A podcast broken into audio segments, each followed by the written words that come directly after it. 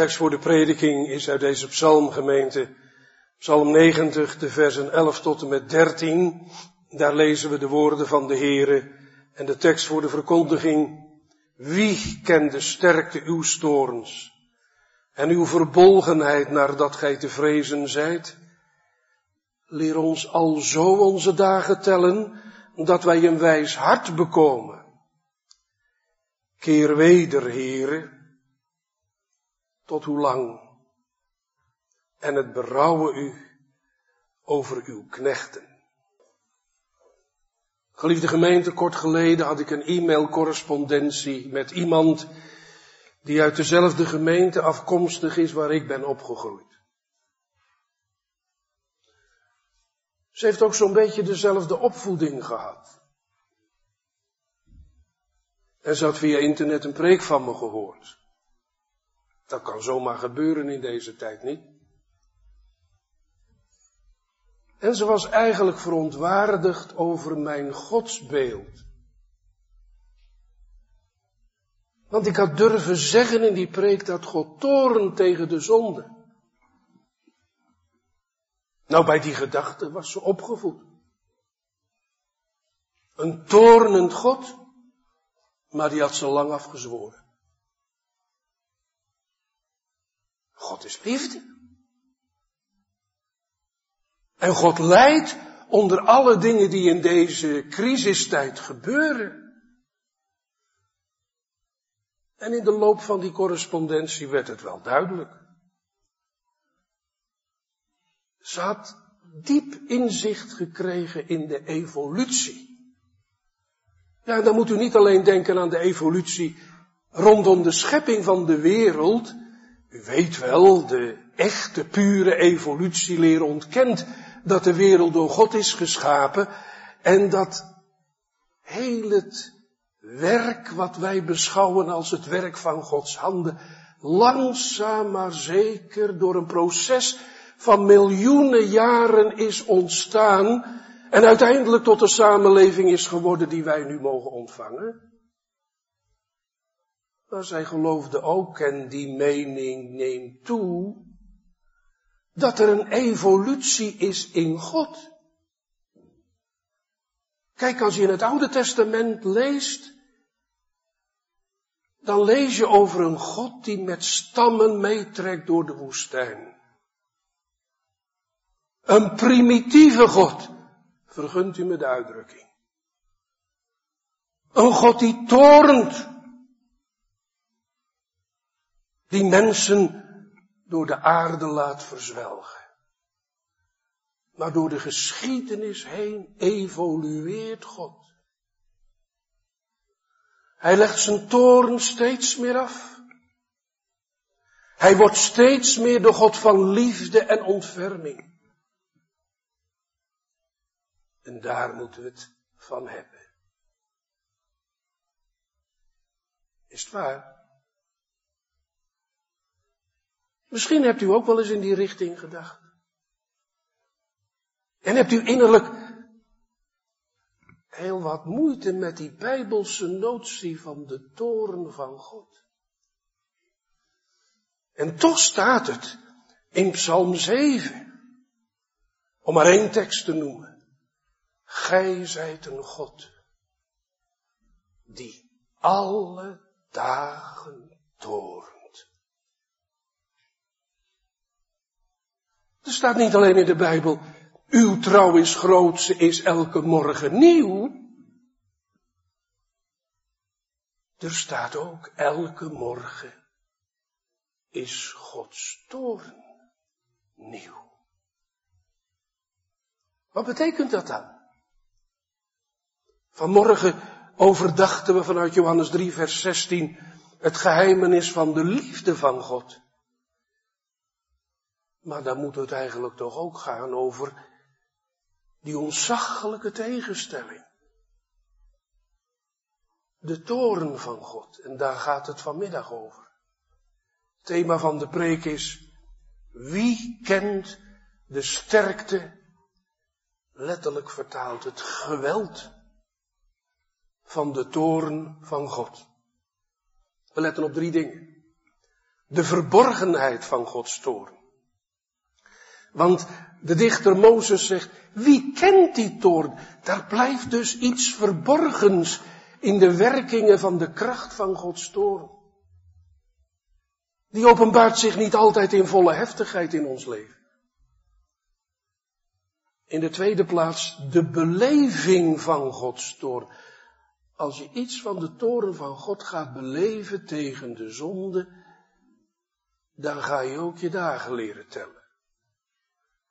Dat is het middelste stuk van de tekst.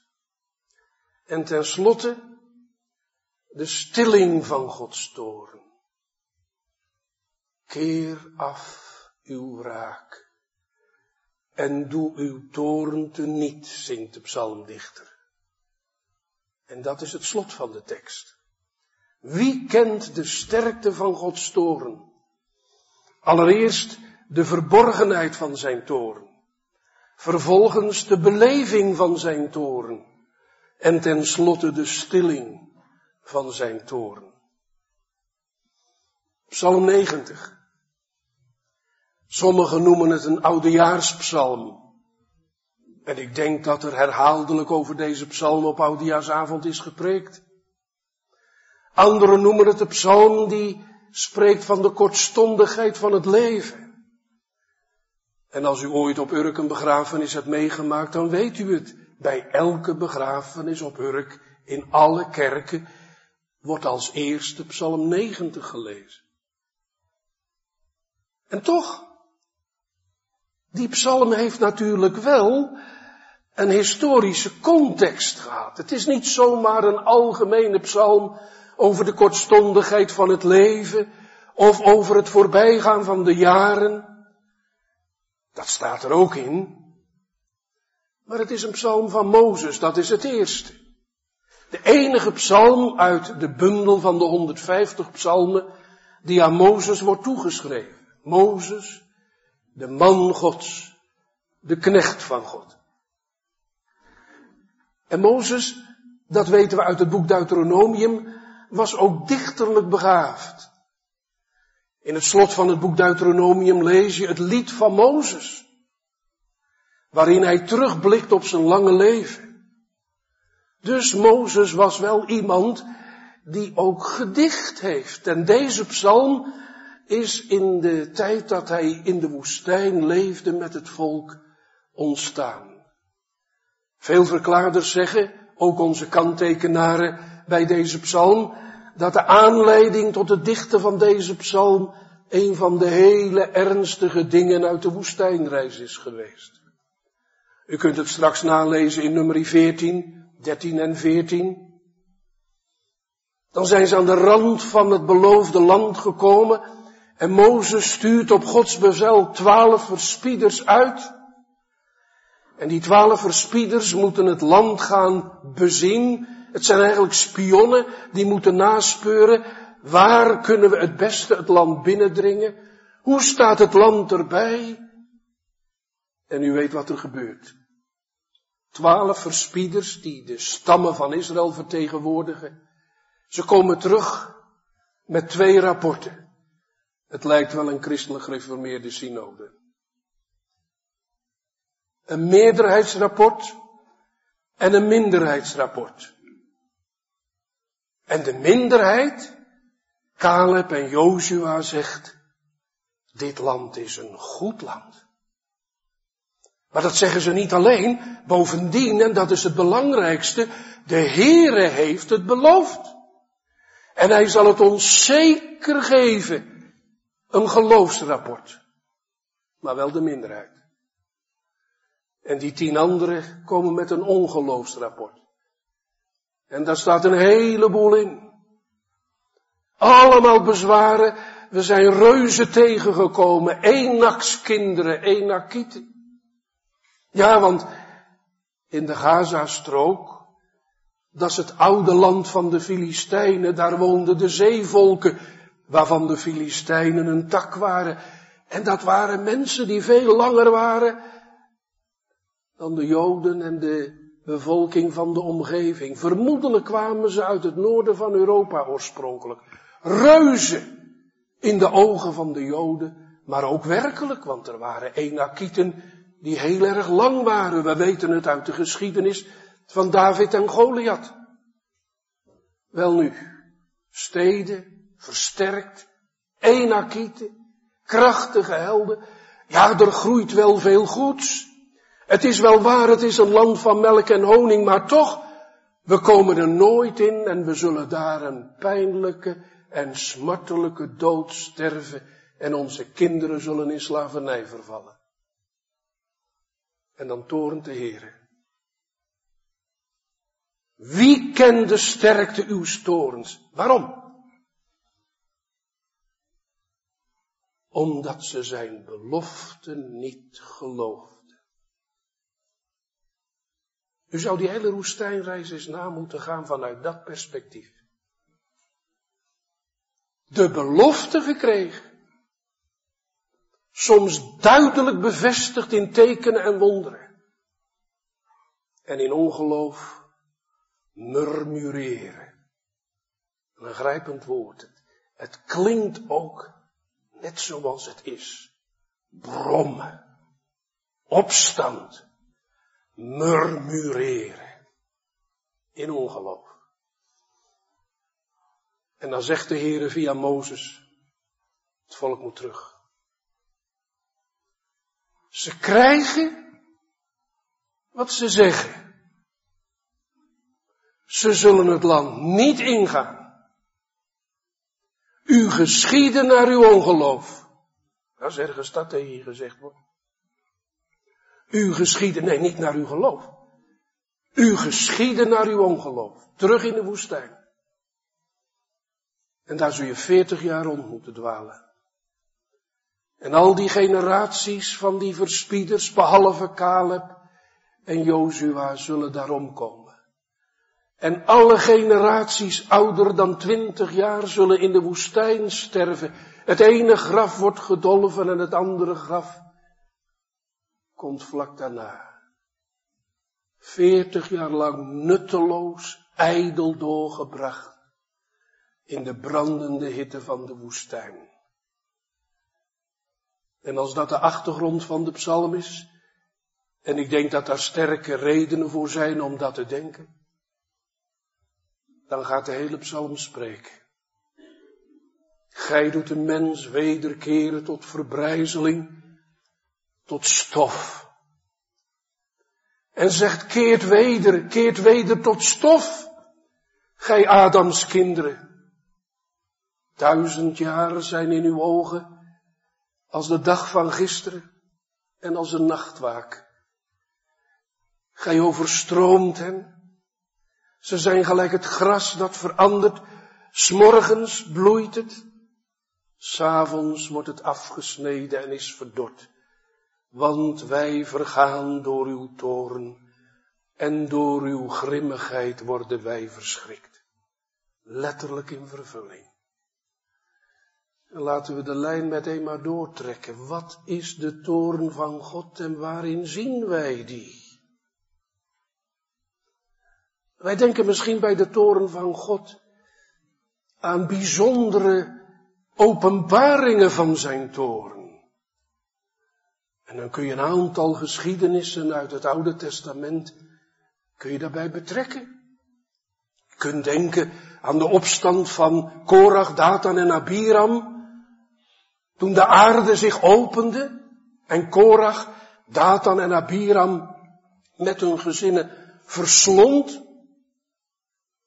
U kunt denken aan de tijd dat Elia profeet was in Israël. En dat hij op een berg zat en dat de koning van Juda, van Israël, bevel gegeven had om Elia te arresteren. En vijftig mannen kwamen zwaar bewapend en ze zouden hem arresteren, maar het vuur daalde van de hemel en verteerde die vijftig mannen. En een tweede zending van soldaten kwam en ook die werd verteerd.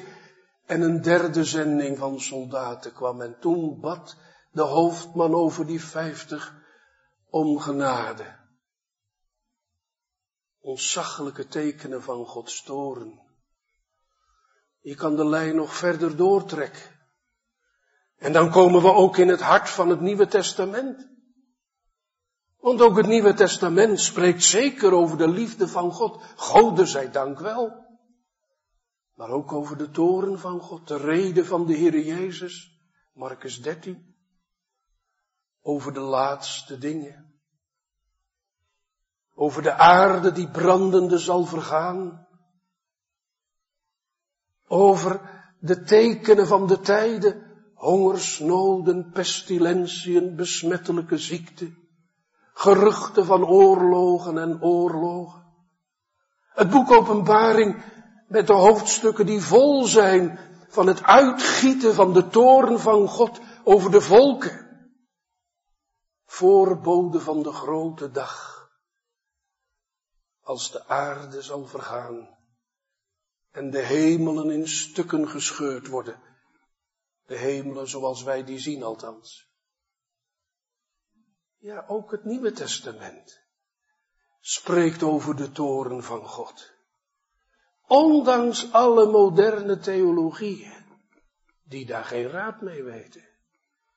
Het is zelfs zo gemeente, dat wat wij weten over de toren van God, wat wij weten over de hel als plaats waar de goddelozen eeuwig gestraft zullen worden voor hun ongeloof. Dat weten we vooral uit de mond van hem op wiens lippen genade is uitgestort. Uit de mond van de Heere Jezus. Want hij, die in zijn lijdensweg wist, de verschrikkingen van de helse angsten en smarten, heeft als geen ander in de Bijbel aangeduid wat de toren van God is in de eeuwige nacht en de buitenste duisternis. Laat dat maar op u inwerken. Zoals het de afgelopen dagen ook naar mij toegekomen is. Ook op het breukvlak van de jaren. Nu deze week het nieuwjaarsdag zal worden, zo God het geeft. En we het oude jaar zullen uitluiden. God is een God die torent. Torent over de zonde. Want dat staat in het begin van de psalm in alle helderheid. Gij stelt onze ongerechtigheden voor u. Onze heimelijke zonden in het licht van uw heilig aangezicht. Ja, dat is de spits. En dan komen we nog dieper in het hart van onze tekst. God torent. Nee, niet alleen in allerlei uiterlijke tekenen van toren, zoals we die even kort hebben aangeduid uit het Oude Testament en ook uit de profetische woorden van de Heere Jezus en van Johannes op Patmos in het Nieuwe Testament. Maar God torent ook over onze zonde. En dat is een hoogst persoonlijke ervaring van de toren en van het heilig ongenoegen van God in ons leven. Hoe begon de reformatie? Hoe? Luther. Met een diep persoonlijk doorleefd besef dat hij vanwege de toorn van God tegen de zonde voor God niet kon bestaan. En dat die schreeuw in zijn hart geboren werd. Hoe krijg ik een genade God? Die vraag is nog niet achterhaald. Die zijn we als reformatorische christenen toch niet verleerd. Wie kan bestaan voor de gloed van Gods toorn? De God van wie in de brief aan de Hebreeën gezegd wordt, hoofdstuk 10. Want onze God is een verterend vuur. En er zijn er onder ons die daar iets van weten. Van een besef dat onze zonden zo ernstig en zwaar zijn in de ogen van God. Dat we God zo bedroefd en vertorend hebben door ons ongeloof door onze schuld, door onze wereldsgezindheid en noemt u het verder maar. Dat God op ons toornen moet. Wie kent de kracht van uw toorn? Als u, als ik ontdekt wordt aan mijn zonde, dan gaan we er iets van beseffen. Ja, maar zegt u misschien, maakt dat mensen dan niet bang? Ja, dat zeggen we meteen. Maar dan hebben we toch niet begrepen. Al moet ik wel zeggen dat ik door de jaren heen steeds sterker denk, soms zou het wel eens heel erg gezegend kunnen zijn. Als wij ons uit onze dodelijke slaap in de zonde laten wakker schudden. Ontwaak, gij die slaapt en sta op uit de doden. En niet meer zo voortkabbelend als postmoderne mensen die overal aan gewend zijn en alles voor lief nemen, maar doorleven en doorleven. Maar het is Gods bedoeling niet om door zijn toren mensen alleen maar bang te maken. Het is Gods bedoeling om zondaren zoals u en zoals jij, of u nu hier zit in de kerk of thuis, van deze dienst getuige bent. Om zondaren wakker te schudden en uit te drijven, zodat ze hem gaan zoeken. En dat zien we ook in onze tekst.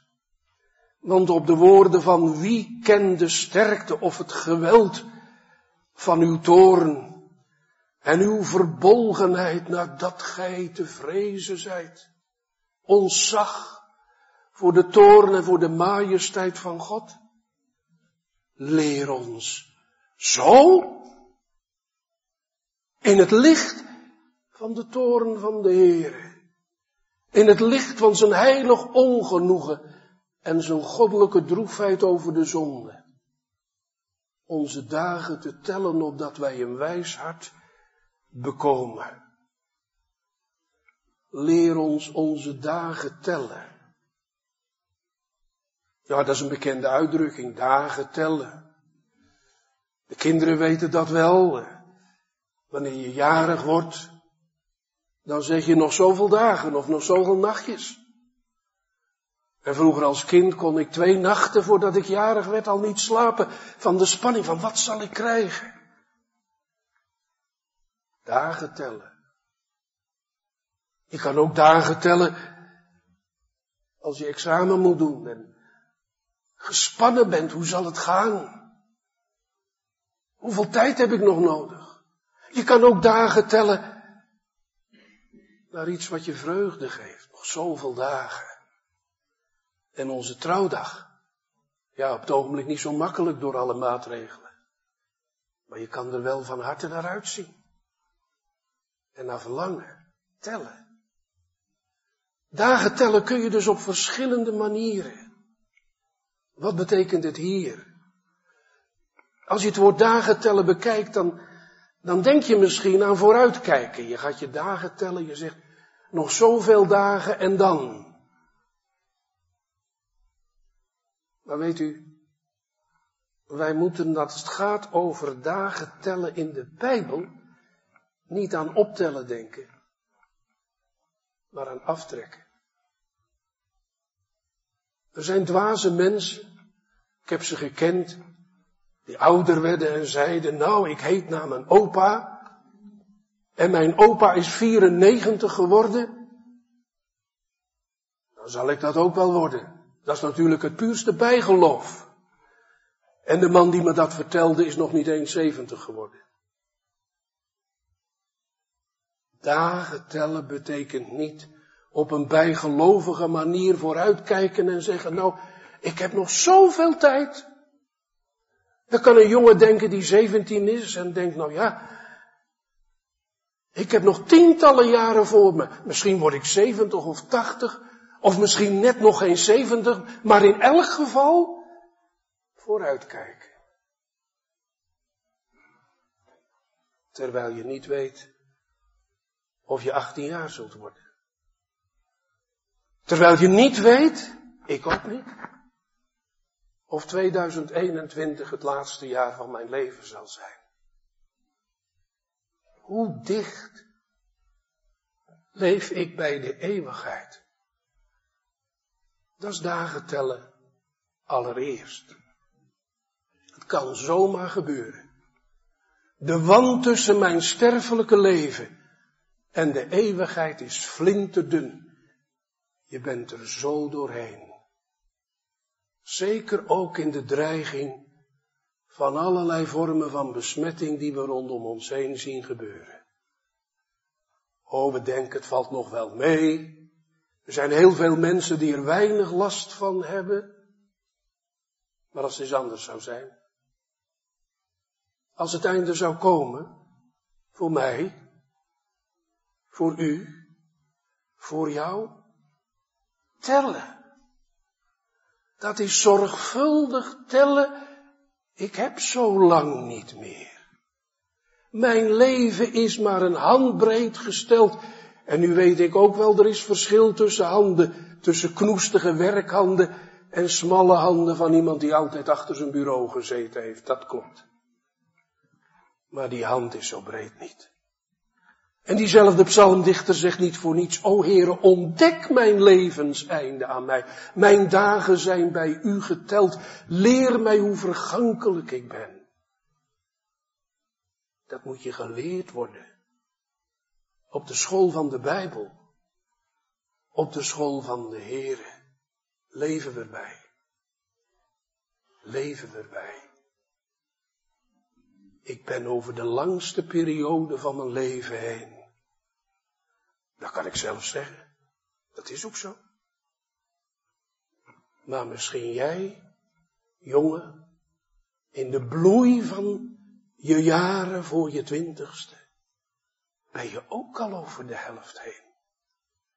Tellen, dat betekent niet alleen rekening houden met de kortstondigheid van het leven, dat is duidelijk in de psalm, maar ook dat we de tijd des levens kostelijk achten.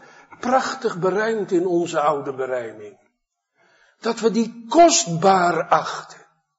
Paulus schrijft ergens dat wij de tijd bekwamelijk uitkopen moeten.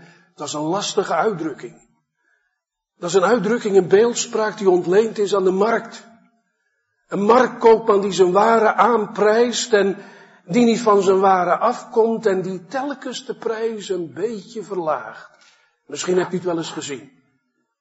En dan moet je precies het juiste moment, moet je roepen, ja, ik koop het. En dat je denkt, nou heb ik het echt goedkoop gekocht. Lager kon die eigenlijk niet gaan. Het juiste moment uitkiezen, uitkopende. Wat betekent dat met betrekking tot het tellen van onze dagen? dat je de gelegenheden die God geeft benut. Het heden van de genade. Elke dag is heden van de genade. Elke dag, niet alleen op zondag, maar ook door de week, klinkt in wezen het oude woord van de psalm, heden, indien ge mijn stem hoort, zo verhard uw harten niet, zoals het volk deed in de woestijn. Verhard uw harten niet, maar laat u leiden. Gemeente, laten we het nooit vergeten. Wij zijn geneigd, zeker als we jong zijn, om als het gaat om de roepstemmen van de Heer, vanuit de prediking van het woord, en soms ook vanuit gebeurtenissen in uw of jouw leven, om die zo uit te leggen dat we zeggen, ja, het is wel een ernstige roepstem, het is wel een kneep in mijn geweten. Het was wel een preek die me dagenlang bezig gehouden heeft. Maar ik heb nog wel tijd hoor. Het kan nog wel even. Dat uitstelgedrag is een van de zware listen van de duivel. Doe maar joh. Je hebt nog tijd genoeg. Die mensen die de Heere vrezen, die zijn allemaal zo somber. Die hebben een verkeerd godsbeeld en noem maar op. Geniet eens nog een beetje van het leven. Zorg voor je carrière. Zorg dat je een mooi gezinsleven opbouwt. Zorg. Ja, maar je arme ziel dan. Je arme ziel dan. Uitstellen. En weet u, dan is de duivel zo wreed, dat hij als we jong zijn zegt, stel maar uit. Kan altijd nog. Makkelijk genoeg. Als je wat serieuzer wordt, als je 40 plus bent, of 50 plus. En als je 50 plus bent. En je raakt onder de prediking van het woord verslagen van hart. Dan fluistert hij in, ja nou is te laat hoor. Je hoeft nu niet meer te bidden. Je bent nu aan de verharding overgegeven. Kan niet meer voor jou. Voelt u het? Tellen van de dagen. Dat is zoals iemand zo mooi schreef. En iets wat ik van de week las ook. Wegen van de dagen. De gelegenheden die God geeft waarnemen. En zo'n gelegenheid is het vanmiddag. Als u als jij in de kerk zit of met deze dienst verbonden bent. Dat is tijd van de genade. Dat is tijd waarin God je ernstig vermaant en waarschuwt. Tijd waarin God je lokt en nodigt. Wend u tot mij. Wend u tot mij. Wend u tot mij. En ieder mensenkind, en onthoudt u dat. Ieder mensenkind die regelmatig onder de prediking van het woord verkeert, als dat woord tenminste juist bediend wordt, heeft momenten in zijn of haar leven dat hij bijzonder geraakt werd. Door de prediking of door een psalm of door een schriftlezing. Door het woord in elk geval. Momenten waarop je bijzonder gevoelig bent. En weet u wat dan zo'n groot gevaar is? Dat je daar overheen leeft. Dat je geraakt werd door een ernstige preek over het gericht van God. Een ernstige verkondiging. En dat je s'nachts niet slapen kon. En dat je de Heer smeekte, o God, bekeer me. Maar het leven vroeg zijn aandacht weer. En je studie of je baan of weet ik wat. En het verdween weer. Vergeet het niet dat een van die oude schrijvers die onder ons terecht in hoge achting staat, Wilhelmus Abrakel, in zijn redelijke godsdienst schrijft dat God de meeste mensen die onder de prediking van het woord verkeren, jong indrukken geeft. Hij bedoelt jong dingen laat zien waardoor ze worden opgeschrikt en de Heere willen gaan zoeken. En dat de meeste mensen ook voor hun dertigste tot verandering komen. Dat is geen wet van meden en persen, want God kan ook een honderdjarige nog bekeren. Maar het is wel de gewone gang van zaken. En daarom als u ouder wordt en toch nog moet zeggen, wie kent de sterkte uw storms? Nadat gij te vrezen zijt, heren, ik heb mijn dagen niet geteld. Ik heb de gelegenheden niet benut. Wel indrukken gekregen wellicht. Wel iets gezien van de noodzaak van de bekering, maar toch. Altijd krabbelde ik nog weer bij de wandkant op omhoog. Heren, wil u het nog doen? Wil u het nog doen? Zoals die oude broeder in een van de gemeenten die ik diende. Hij werd 74 en op zijn zeventigste was hij krachtig door God uit het duister getrokken tot Gods wonderbaar licht.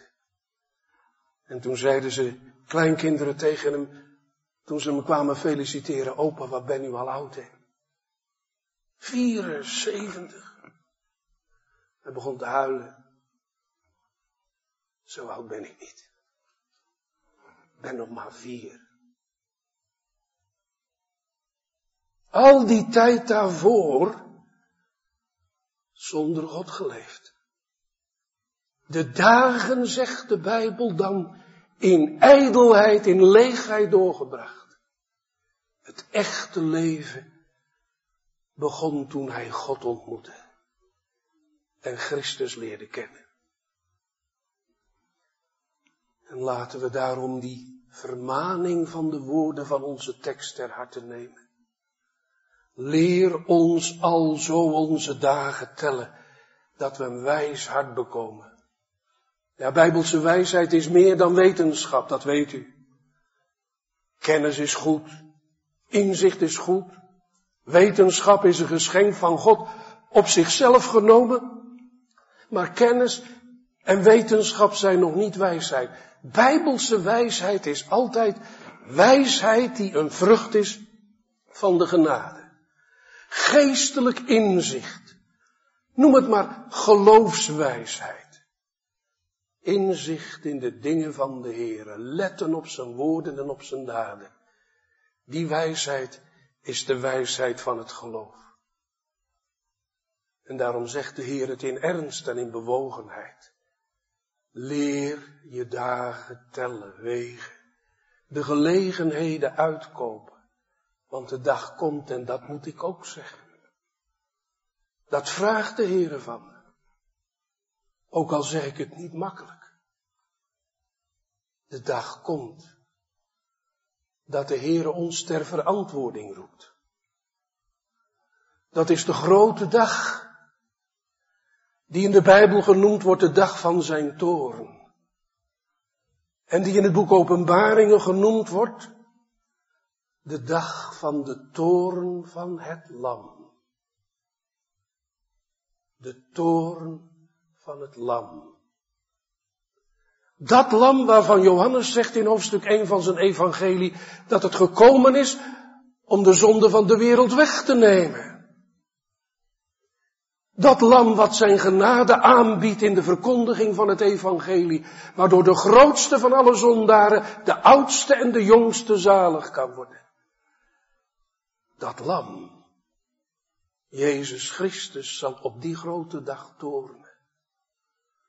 En dan leest u in openbaring 6 een ontzaglijk visioen. Enkele jaren geleden heb ik er eens over gepreekt. En ik weet nog hoe diep het me aangreep.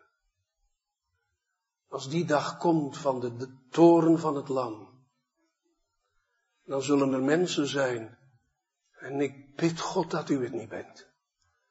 En dat jij het niet bent. En dat ik het niet ben. Die voor het eerst gaan bidden. Ja, ze hebben misschien tijdens hun leven wel gebeden uitgesproken. Maar het waren woorden maar op die grote dag voor het eerst gaan bidden. Het is alleen een volkomen verkeerd gebed. Met een volstrekt verkeerd adres. Ze bidden tot de bergen en tot de heuvelen. Bergen valt op ons. En heuvelen bedekt ons. Want de grote dag van de toren van het lam is gekomen. En wie kan bestaan? Is een preek van een Zuid-Afrikaanse dominee Murray uit de 19e eeuw. Met de sprekende titel Een vreselijke biddag. Een vreselijke biddag. Dat is het toch. Als dat je laatste gebed is. O haast u en vliet de toekomende toren, zegt de Bijbel. En laat het jaar wat een einde spoedt, een spoorslag zijn om tot Hem te vluchten. Ja, dan is soms nodig, gemeente, dat de prediking scherp en ernstig, maar ook in liefde, deze dingen aanwijst. Want hoe zou het toch komen? Ik vraag me dat vaak af. Hoe zou het toch komen dat in de tijd van de grote geestelijke opwekkingen. Juist de prediking van het gericht en van de toren van God over de zonde zo rijk gezegend is. Nee, ik zeg niet dat we het gericht en de toren moeten preken alleen maar om het gericht en de toren. Want je kan daar niet over preken als je niet in je hart iets van verslagenheid en verbrokenheid over deze dingen voelt. Maar wel zijn we in onze dagen, ook in kerkelijk Nederland, niet al te gerust. En moet de klacht en de aanklacht van de profeet niet veel meer klinken. Wee gerusten op de berg Sion. Ja, maar zegt u, hoe zal je dan aan de toren van God ontkomen? En wederom, zegt onze catechismus, tot genade komen. Keer weder, heren. Tot hoe lang?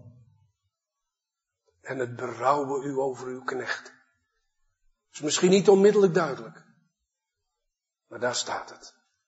Keer weder, keer terug, heren. We hebben u vertorend. Eigen schuld dat we het land niet binnen konden gaan.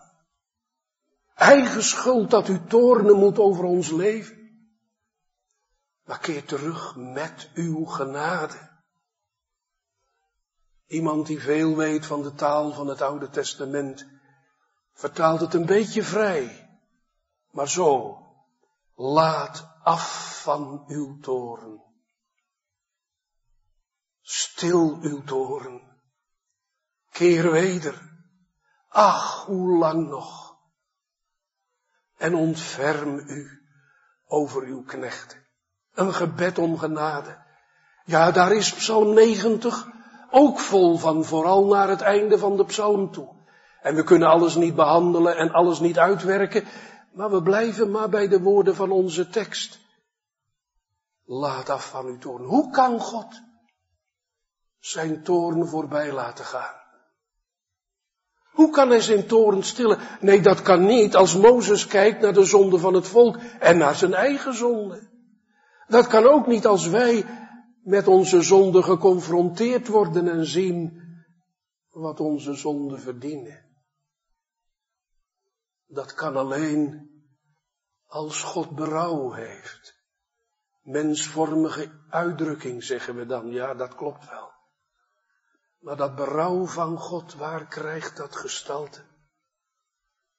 Dat krijgt gestalte in het Nieuwe Testament. Het berouwde de Heere.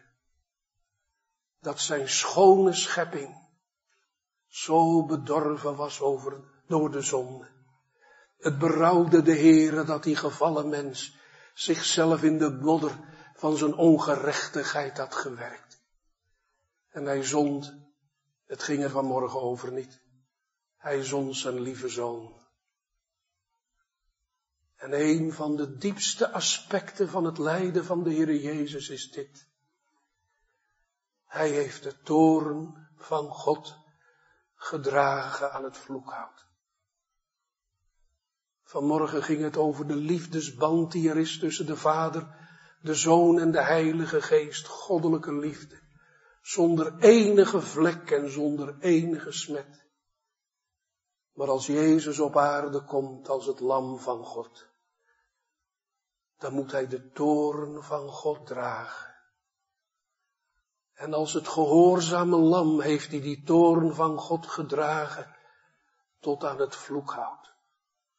Tot in de helse angsten toe vernederd.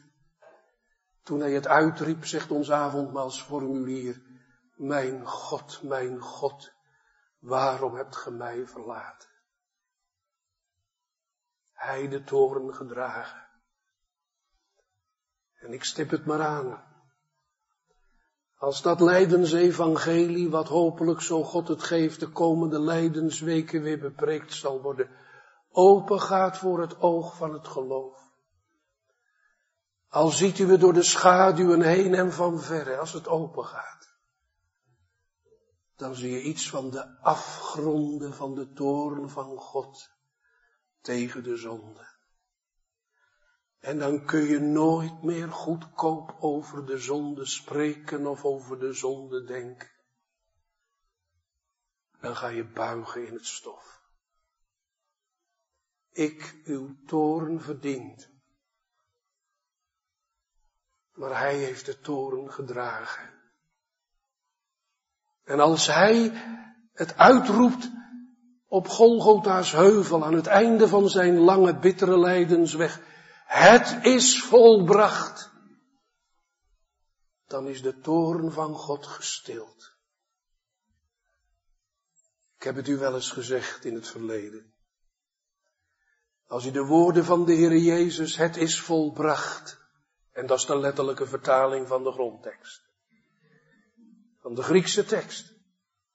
Maar als u die terugvertaalt in het Hebreeuws wat Jezus sprak toen hij hier op aarde was, dan luiden die laatste woorden, voorlaatste woorden, Nishlam, Shalom. Er is vrede. Vrede door het bloed van het kruis. God boven mij torent niet meer. Want zijn toren is uitgewoed, gestild in het bloed van Christus. De wereld klaagt mij niet meer aan als ik schuilen mag achter het bloed van Christus. Want hij heeft vrede gemaakt. En mijn eigen geweten, waarvan onze catechismus zegt dat het ons aanklaagt en beschuldigt vanwege onze zonde, moet zwijgen. Mijn ziel is immers stil tot God. Van Hem is mijn heil. En dan ga je begrijpen wat deze woorden, die op het eerste gezicht misschien niet helemaal duidelijk zijn, eigenlijk betekenen. De psalmdichter zegt, keer weder, keer zo terug, Heer. Het duurt al zo lang. Want als je met een levend besef iets van de toorn het ongenoegen van de Heere voelt. Daar kun je niet onderuit houden. Dan zeg je, haast u tot mijn hulp. En red, red mij schutsheer, God der golden. Troost in nood de grote hoorder van het gebed. Hoe lang? Heere, mag het dit jaar nog gebeuren? mag het het komende jaar gebeuren. Dat in de duisternissen van mijn leven, en misschien zit u zo thuis te luisteren, of zit je zo in de kerk te luisteren, dat in de duisternissen van mijn leven het licht van de vrede, het licht van de vredevorst, de liefde van u in Christus mag opgaan als de blinkende morgenster in mijn hart. En het berouwen u over uw knechten. Eigenlijk betekent dat alleen maar dit, vergeef, Heer. Heere, vergeef. Verzoen de zware schuld, die ons met schrik vervult. Bewijs ons eens genade. En die genade is er. Een genade die roemt tegen het oordeel. Een liefde die roemt tegen de toren omdat de toorn en het oordeel gedragen zijn door hem die die ene naam draagt. Jezus. Hij is gekomen om te zoeken en zalig te maken wat verloren was. En dat gaat door. Dwars door de tijden heen Dwars door de ene crisis of de andere crisis heen. Dwars door vervlakking en verwereldlijking heen. Ondanks de zonde en de schulden. Hij zoekt. Hij klopt. Hij nodigt. Wend u tot mij toe. En wordt behouden. Want hij zal zijn volk niet eindeloos kastijden. Nog eeuwig hun zijn gramschap doen leiden. Hij is het. Die ons vrede, vriendschap biedt. Amen.